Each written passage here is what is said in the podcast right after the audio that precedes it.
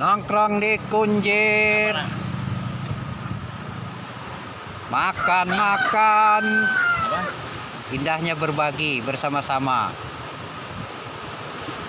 Eh. Wartawan memang harus berbagi.